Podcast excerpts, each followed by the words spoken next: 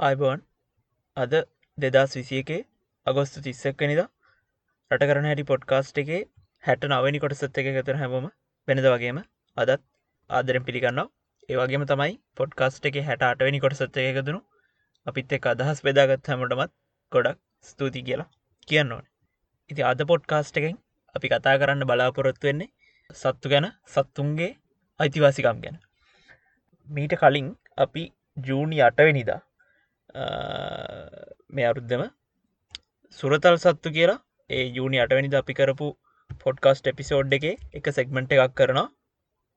ඒ episode එක අංකය පනස් නව කෙනෙ පොඩ්කාස්ට් එක පනස් නවැනි කොටසේ පළවෙනි සෙක්මෙන්ට් එක තමයි අපි මීට කලින් සත්තු ගැන කතා කරේ. එතකොට ඒ කතා කරන්න හේතුනේ අර හුරතලට ඇති කරන බල්ලෙක්ට උන අනතුරක් එක්ක ලංකාව කතාබක් ඇතියන මේ සුරතල් සත්තු ආරක්ෂා කරන්න තියෙන නීති. සුරතල් සත්තුන්ට හිරිහැර කරන මිනිස්සුන්ට ගණ්ඩ පුළුවන් ක්‍රියාමාර්ග ගැන තියෙන නීති ගැන ලංකා කතාබක් ඇතියෙන තින් ඒකත් එක්ක තමයි අපි ඒ වෙලාවේ ඒ සුරතල් සත්තුන්ගේ අයිතිවාසිකම් ගැන කතා කරේ. හැබැයි අද අපි කතා කරන්නේ සුරසල් සත්තු ගැන විතරක් නවේ එතනින් හාට ගිහිල්ලා සාමාන්‍යෙන් කැලේ ඉන්න ඕනේ කැලේක හැදෙන්න්න ඕනේ සත්තු ගැන සහ ඒ සත්තුන්ගේ අයිතිවාසිකම් ගැන. මේකට එක්තරා විදිහකට ඇසල පෙරහැරත් මූලිකෙන ඇසල පෙරහැර තියෙන හැම අවස්ථාවකදිම් වගේ අල්ලියත්තු නුවරට අරගෙන යනකොට සත්ව අයිතිවාසිකම් ගැන මාතෘකාව රට ඇතුළේ ගොඩක් කතා බහයනවා කට්ටියක් ඒකට පක්ෂව අදහස් දක්කනකොට සමහර කට්ටිය ඒකට විරුද්ධ එකැන මේ සත්ව අයිතිවාසිකම්වල වලට විරුද්ධ කතා කරන ඉතින් හැබැයි ඒ විතරක් නෙවෙයි පෙරහැර කාලට විතරක්නේ සත්තුන්ට අපි කලින් මේ මාතෘවා කතා කරපලා වගේ සත්තුන්ට මක්කර හිර හැරක් වුණාමත් හෙමනත්තා අලිමිනිස් ගැටුම් හන්ද වැඩි කියල දඩයම් කරලා දளවලට අලියෙක් ඇතෙක් මැරුණ හමත් සමාජයේ මේ වගේ කතා බහල් ඇතියෙන එතකොට දිවිය වගේ සත්තු නකල්ස් පැත්තේ දඩයන් කරනකොටත් මෙහෙම සත්තු ගැන කතා බහ ඇතියෙන ඉතින් ඒ විතරක් නැවයි මේ දවස්සල දැන් ගොඩක් සත්තුව සත්තුවත්වල් වහල තියන්නේ. ඒවට අන්ඩ අන්ඩවස්ථාවක් නැහැ. එතකොට සත්තුවත්වල් වල ඇති කරන ඒවැ කුඩුවරල තියාගෙන ඉන්න සත්තුන්ගේ අයිතින් ගැන ඒ සත්තු ඇත්තටම හිර කරලා තියාගන්න ඕනෙද කියන ප්‍රශ්න ගැන මිනිස්සු කතා කරනවා. එකන්නේ මහා විශාල කැලෑවල්වල ඉන්න ඕනේ සත්තු.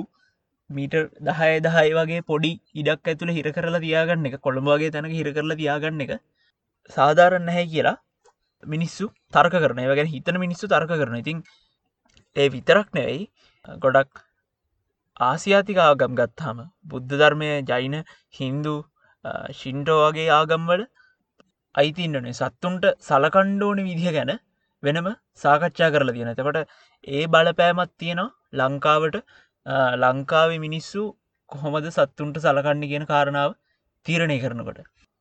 අපිටු ගන්නවා බුද්ධාගමට අනුව සත්තු මරණ එක. එතකොට සත්තු මරන්න අනු බල දෙන ඒවට අදාළ වෙන වෘතින්වල යෙදෙන එක වගේ දේවල් වැරදිී කෙලෙතින් ඒ වගේ ආගමෙන් ලැබෙන සංස්කෘතික බලපැන් තියෙනවා. ඉතිං එහෙම වටපිටාවක තමයි අර කරඩුව ගෙනියන එක ඒ ඒක සාධාරණී කරණය කරලා අනිත්තේවා විතරක් විවේචනය කරන දැනට සමාජය එක් කොටසක් පත්වෙදදි අනිත් කොටස සම්පූර්ණයෙන්ම සත්ව අයිතිවාසිකම් ඕනේ කියල කියන ගැන ලංකා ඇතුළේ ඒ ආගමික බලපෑම් එක්ක සත්තුන්ට අයිතිවාසිකම් තියෙන්ඩෝනි කියලා බහුතරයක් දෙනා පිළිගන්නා කියල තමයි අපි හිතන්න. එහෙම ඒක මොන තැනට දාදාල වෙන්න කියන එක තමයි ඒ පුද්ගලයාගෙන් පුද්ගලයට වෙනස් වෙන්න. ගැන්න එක ඇත්තුන්ටත් අයිතියනවාද ඇත්තුන්ට අයිතියෙන් නැද්ද?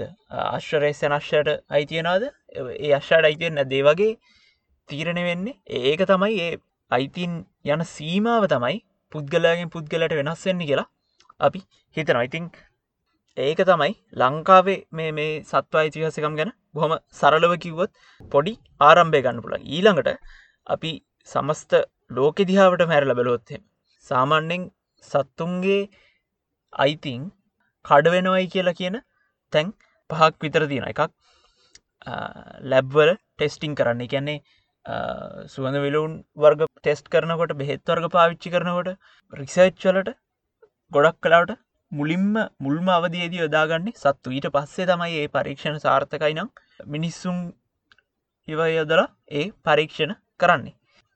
ඊළඟට ඇඳුම් වගේ දේවල්වලට හම්වලට ලෙදරලට සත්තු පාවිච්චි කරන ගැන්නේ ගියවුරුද්ධ මුලදිත් කොරනාපු මුල්ම කාලෙත් අපිට ප්‍රවෘතියක් හන්ඩ ලැබුණ.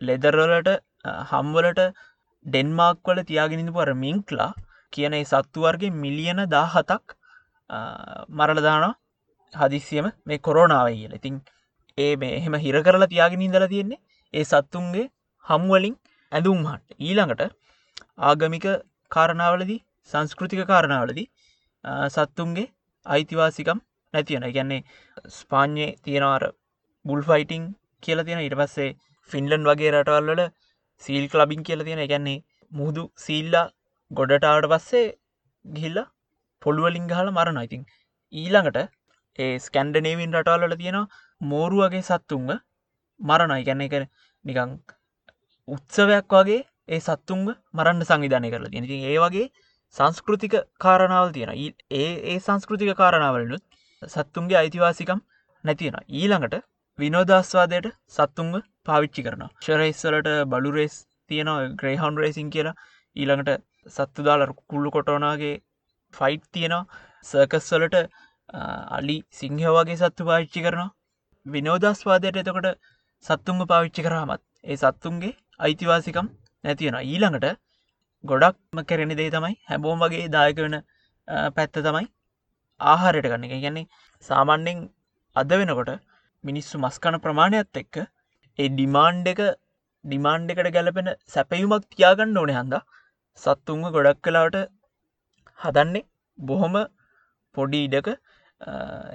කුකුල්ලුනත් හරක්වුණත් වෙන ඕනෙම ෆාම් සතෙක් වුණහම ඒ සත්තුම ගොඩක් කලාවට ඇති කරන්නේ බොහොම පොඩි ඉඩක කූඩ පොඩි කූඩවල දාලා උන් විධාකාර ඉන්ජෙක්ෂන් විදිනවා මේ ඉක්මට සත්තුන්ව ලොකු කරවගන්න. ඊට පස්සේ චීනය වගේ පැතිවලටිහාම බෙට්මාකට් කියල දේවල් තියෙනවා. ඊට පස්සේ සමහර කෑම වර්ග තියෙන කෑම් වර්ග හදන විදිහ පවා මානුෂික එකැනෙ ප්‍රංශකෑමක් තියෙනවා.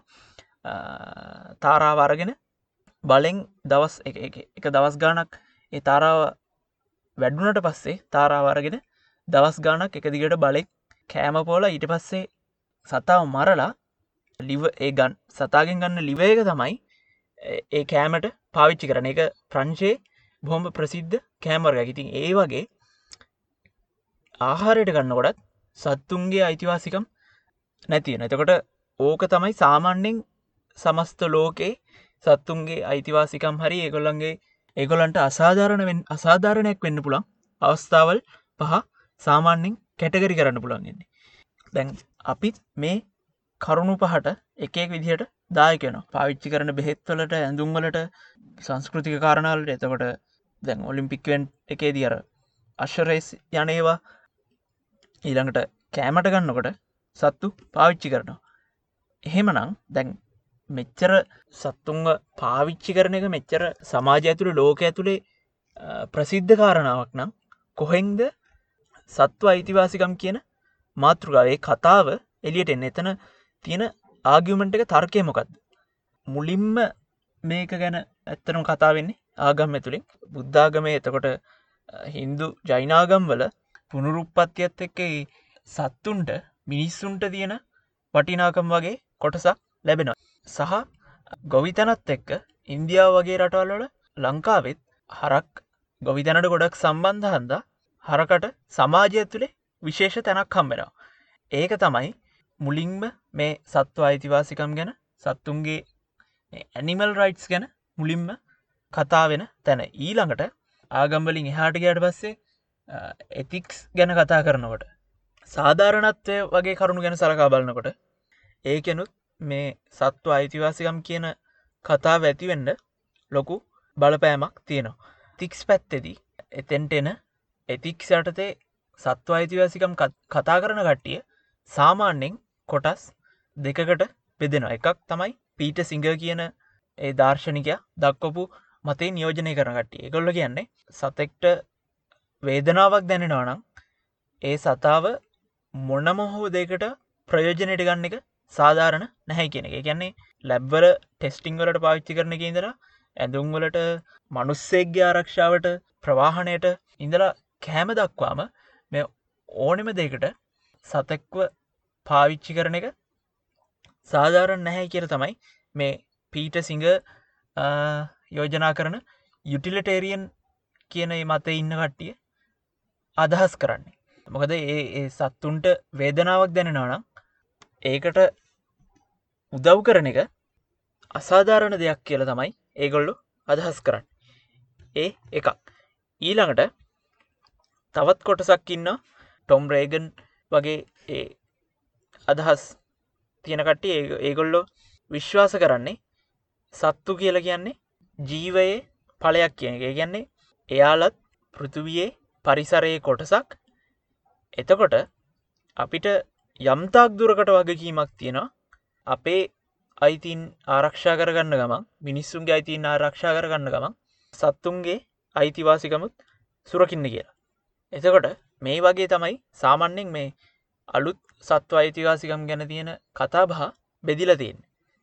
දැන් ඒක තමයි මේ සත්ව අයිතිවාසිකම්වලට පක්ෂව කතා කරන කට්ටියගේ ආගිමෙන්ට එක ඊළඟට සත්ව අයිතිවාසිකම්වලට විරුද්ධව කතා කරන කට්ටියගේ මතය තමයි සත්තු හැසිරෙන විදිහේ සාධාරණ බවක් තාර්කික බවක් නැහැ. ඒගොල්ලෝ එකන්නේ පුළුවන් එක හැදෙනවා බැරි එක මැරෙනවා. ඒක හන්දා එහෙම හැසිරෙන ජීවීන්ට එහෙම වගකීමක් නැතු හැසිරෙන ජීවින්ට අයිතිවාසිකම් තියෙන් ඩෝනේ නැහැයි කියල තමයි මේ සත්ව අයිතිවාසිකම්වලට විරුද්ධව කතා කරන කට්ටිය කියන්නේ. ඒක තමයි එගොල්ලන්ගේ ආගිමෙන්ට් අපි ඒකටත් ත පොඩ්ඩකින් අයිත් එමු. ඇවිල්ල එක ගැන කතා කරමු. එතකොට ආයමත් මේ සත්ව අයිතිවාසිකම් ගැන සත්ව අයිතිවාසිකම් වෙනුවෙන් පෙනීන්න අය ඉක්මට සමරයිස් කරොත් එකක් සත්තුන්ටත් අපිට වගේම වේදනවල් දැන්න එකහන්න එකොල්ලන්ට කොයි විදිහකටවත් හනි නොයුතුයි කියන කට්ටිය ඊළඟට වෙන සත්ව කොටසකගේ වාසිය වෙනුවෙන් තවත් සත්ව කොටසකට හානි නොකර යුතුයි. පුළුවන් තරම් හානි නොකර යුතුයි කියලා තර්ක කරන කට්ටිය. එතකොට මේකෙන් දෙවැනි කට්ටිය තමයි කියන්නේ සතෙක්ගේ ජීවිතයයි මනුස්සෙක්ගේ ජීවිත අතර ගැටලුවකති මනුස්සෙක්ගේ ජීවිතය වටිනවා කියලා කියන්න. ඉතින් මේක තමයි සත්ව අයිතිවාසිකම් කතාවේ පසුබිම. එතකොට මේ පසුබිමත් එක්ක මේ ඉතිහාසඇත් එක්ක අපි ඉන්න කොතන අපි හිටගන්න ඕනි කොතනද මුලින්ම මේකට මුල්වෙන්නේ මේ අලි සහ ඇත්තුන්ට අපි සලකන විදිිය. එතකොට තැනින්ම අපි දෙන්න ඕන උත්තරේ පටන්ගත්තත් හෙම අලි කියලා කියන්නේ එකන පෙරහැර ගියාලි වුනත් සංචාරක් කර්මාන්තර පාච්චි කරන ලියුණත් කොටංග දින අලිවුණත් අලි කියල කියන්නේ තකොට සර්කස් සත්තු කියල කියන්නේ සත්තුවත්තේ සත්තුවත්තල්ලට කූඩුවේ දාල් හිර කරලා ඉන්න සත්තු කියන්නෙත් හරිමනං කැලේක ජීවත්වෙන්න ඕනේ සත්තු. එහෙම සත්තු දංවල්වලින් ගැට ගහලා කූඩු කරලා තියාගන්න එක සංස්කෘතික නැහැ. ඒක සාධාරණ නැහැ කියල තමයි අපිට හිතෙන්නේ.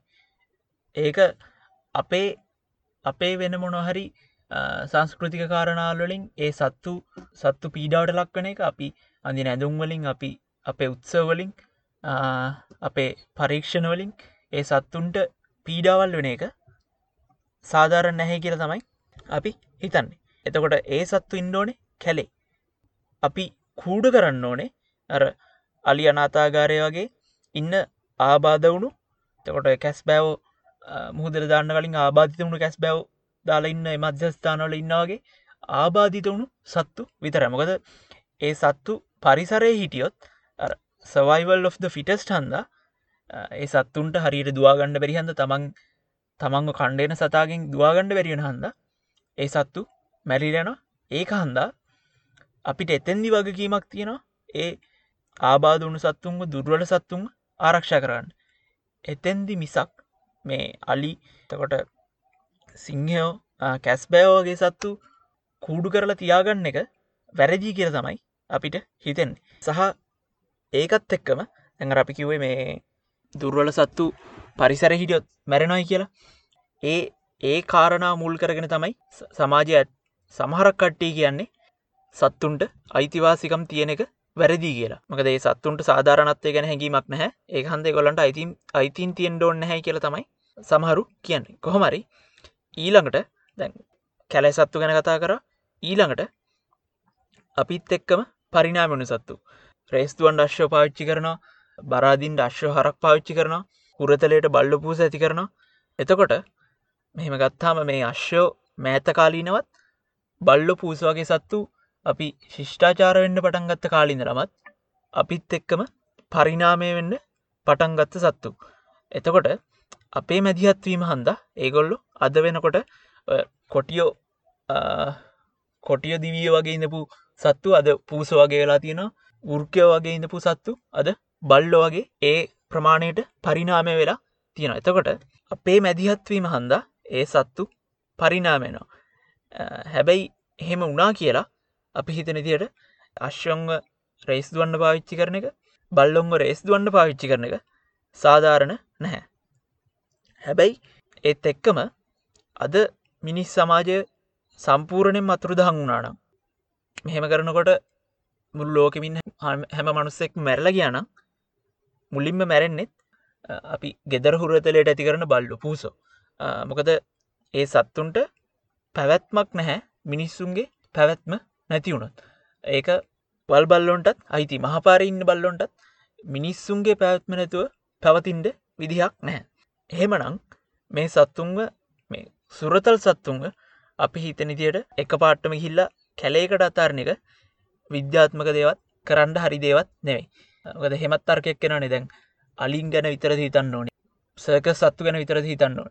තකොට ගෙතර බල්ලෙක් ඇති කරන එක අලින් ගැන කතා කරන්න හොමද පූසෙක් ඇති කරන එක කොහොමද? සෑක සත්තු ගැන තරන්න ඒ වගේ කෙනෙක්ට තර්ග කරන්න පුලන්නේ එතකොට එතෙන්දි කියන්න වෙන කාරණා තමයි සුරතල් සත්තු පරිනාමය වෙලා තියෙන තැනත් එක්ක දැන් ඒගොල්ලන්ට ආපස්සට යන්න බැහැ ඒගොල්ලෝ දැන් මිනිස් පැවැත්මේ කොටසක් වෙලා ඉවර එහෙමනං එතැන්දි මිනිස්සුන්ට කරන්න පුළුවන් සාධාරණ දේ හරිදේ තමයි ඒ සත්තුන්ට හිරිහර නොකරන එක. ගැන්නේ රේසින් ඉන්ඩස්ට්‍රික් ගත්තර පස්සේ ඒක ගොඩක් කලාට රේස් යනකොට අශ්වයගේ කකුලක් රේස් එකෙදි කැටන ගමන් කැමරටික වෙන පැත්තකට හරුණ අශ්‍යයට රේස් ට්‍රක්කගේම වැඩි තියෙන ඒවා ඒව ගැන කිමෙන්ට්‍රීස් කෙරලා තියෙන ඒවා කොහොමද සිද්ධවෙන්නේ කෙනෙක් ගැන. තිං ඒ වගේ සුරතල් සත්තුන්ට සිද්ධවෙන අමානුෂික්කම් අසාධාරණකම් නැතිකරන එක ඒවට විරුද්ධ නීතිහදනක තමයි මේ කාරණාවදි අපිට කරන්න පුළන්දේ. ඊළඟට කෙනෙක් අහන්න පුළුවන් සත්තුන්ව කෑමට ගන්න කෙන හරක්මස් කණමනුස්සය කුකුල් මස් කණ මනුස්සයා කොහොමද සත්ව අයිතිවාසිකම් ගැන කතා කරන්න කියලා. ඉතිං මේක සත්ව අයිතිවාසිකම් වෙනුවෙන් පෙනීඉන්න පෙනී ඉඳපු අයගෙන් ඉස්සරී නම්ම අහපු ප්‍රශ්නයක් ඒක පාවිච්චි කරපු ප්‍රතිතර්කය. නමුත් සාමාන්‍යෙන් පරීක්ෂණරින් හොයාගෙන තියෙනවා සත්ව අයිතින් වෙනුවෙන් පෙනීන්න සංවිධානවල උපරිමයටම ජොයින්ඩලා ඒවත් එක් වැඩ කරන ඉන්න. ගැන්න එම්බාක් එක වගේ සංවිධානත් එක්ක බැහැල්ම් වැඩ කරන මිනිස්සු අතර බැලුවත් ඒ මිනිස්සුන්ගෙත් සියට තිස් හතක් විතර වෙජිටේරියන් නෙමේ කියලා හොයාගෙන තියෙනවා. ඒකට ඒ රිසච්චකට අපි ලිංක එකක් දාන්නම්. ඔන්නන් ගිල්ල බලන්න පුළුවන්. එතකොට ඇත්තට මෙතන පොඩි පරස්පරතාවයක් තියෙනයි කියලා කෙනෙක්ට තර්කයක් මතු කරන්න පුළුවන්. එක ඇත්ත. ගැනෙ එක සත්තු කොටසකගේ ජීවත් වෙන්න පුල් ජීවත්වීම අයිතිය වෙනුවෙන් ෆයිට් කරලා අනිත් සත්තුන්ව කෑමට ගන්න එක සාධාරණ නැහැනේද කියලා හන්ඩ පුළුවන්. එතකොට අපි මේ සෙක්මෙන්ට් එක ටික මැදදි කිව්වා මේ සත්ව අයිතිවාසිකම් වෙනුවෙන් පෙනීන්නගේ කොටස් දෙකත් දෙකක් ඉන්නයි කියලා. එකක් තමයි අර සත්තුන්ව කොයිම විදිහකටවත් ප්‍රයෝජනයට ගන්න හොඳ නැහැයි කියපු කොටස. ඊළඟට සත්තු පරිසරය කොටසක් කියලා හිතලා අවශ්‍යලාට ප්‍රයෝජනයට ගන්න ඕනි කියලා කියන කට්ටිය. එතකොට පළවෙනි කොටසට අනුව ඇත්තටම සත්ව අයිතිවාසිකම් වෙනුවෙන් පෙනීන්නනම් එතෙන්දි සත්තුන්ගේ සත්තුන්ම කෑමට ගන්න එක සත්තු මරණ එක වැරදි අඩක් එතකොට ඒ මතේ විශ්වාස කරන කෙනෙක් කුකුල් මස් කනවනම් හරක් මස් කනවනම් ඒක වැරදි කියලා කියන්න පුළ නමුත් ඒ තර්කෙදිත් කැන්නේ සත්තුන්ග මරණක සම්පූර්ණයම වැරදි කියන තර්කෙදිත් ගොඩ දෙනෙක් අමතක් කරන දේ තමයි අපේ පරිනාමයට සර්වභක්ෂක වන එක කොඩක් වැදගත් වනා කෙනෙ කියන්නේ පිදන් ඉන්නේ ආහරදා මේ උඩමනේ. ඒක හන්දන අපි මෙච්චර සත්තු ෆාම් කරන්නේ හැම පෘතිවී සම්පූරණයෙන්ම නිකං පාලනයම මිනිස්වතේ තියෙනවාගේ තැනකට ඇවිල්ලින්නේ එතකොට එහෙම එහෙම පරිසරයක් ඇතුළේ මිනිස්සුන්ට සර්භක්ෂක වෙන්න එපා සත්ව අයිතිවාසිකමෙන් පෙනඉන්නවනම් මස් කණ්ඩපයි කියන තර්කය එච්චර සාර්ථක තර්කයක් නෙවේ කියල තමයි අපි හිතන්නේ. ගැන්නේ අර තමන් සත්තුන්ට කරන අසාධාරණකං සත්තුන්ට කරන හිරිහැර වහගණ්ඩ මිනිස්සු මස්කණ එක පරිනාමෙන් ඇවිල්ල තියෙනක පෙන්න්නන එක වැරදිී කියල තමයි අපි හිතන්නේ. කොහොමුණත් පෞද්ගලික වෙජිටේරියන් වනත් වෙජිටේරියන් කියලගන්නේ ඒකට සම්බන්ධ වෙන කට්ටිය සමාජය බොහොම සුළු කොටසක් වුණත් ඒගොල්ලො හෙම තැනකට යන්න පෞද්ගලිකව හිතන එක සාධරණය. කැන්නේ පරිසරයට තියෙන බලපෑම අඩුවෙන සත්ත ෆාම්වලින් ගොඩක් පරිසරයට ගෝලි යුෂ්ණත්ව වැඩියන එකට ලොකු බලපෑමක් ඇති කරන එතකොට වෙජිටේරෙන් මිනිස්වන්ද පරිසරයට තියෙන බලපෑම අඩුවෙනවා හැබැයි එහෙම මේ ප්‍රශ්නයේදී සත්ව අයිතිවාසිකම්මෙනෙන් පෙනීන්නයට කරන්න පුළන් දේ තමයි අමානුෂික විදිහට සත්තුන්ට සලකන එක. ගැන්නේ පොඩි කුකුල් කූඩුවල කුකුල්ලු සීය දෙසිය පටෝල පුළුවන්තරං උපරිම පලදාව ගණ්ඩ හැදෙනක සත්තුන්ට බෙහෙත් විදලා ඒ සත්තුන්ගෙන් ගණ්ඩ පුළුවන් මස් ප්‍රමාණය අම අනවශ්‍ය විදිහයට වැඩි කරන එක. එතකොට මස් වගේ දේවල් නාස්තියන ඉදිහට පරිභෝජනය කරන එක වගේ දේවල් අඩු කරන්න පුළුවන්නම් එතෙන්දී අපි හිතනවා හොඳ සමාජයකට සත්තුන්ට සාධාරණත්වය ඉෂ්ට වෙන සමාජයකට යන්න පුලන් කියලා.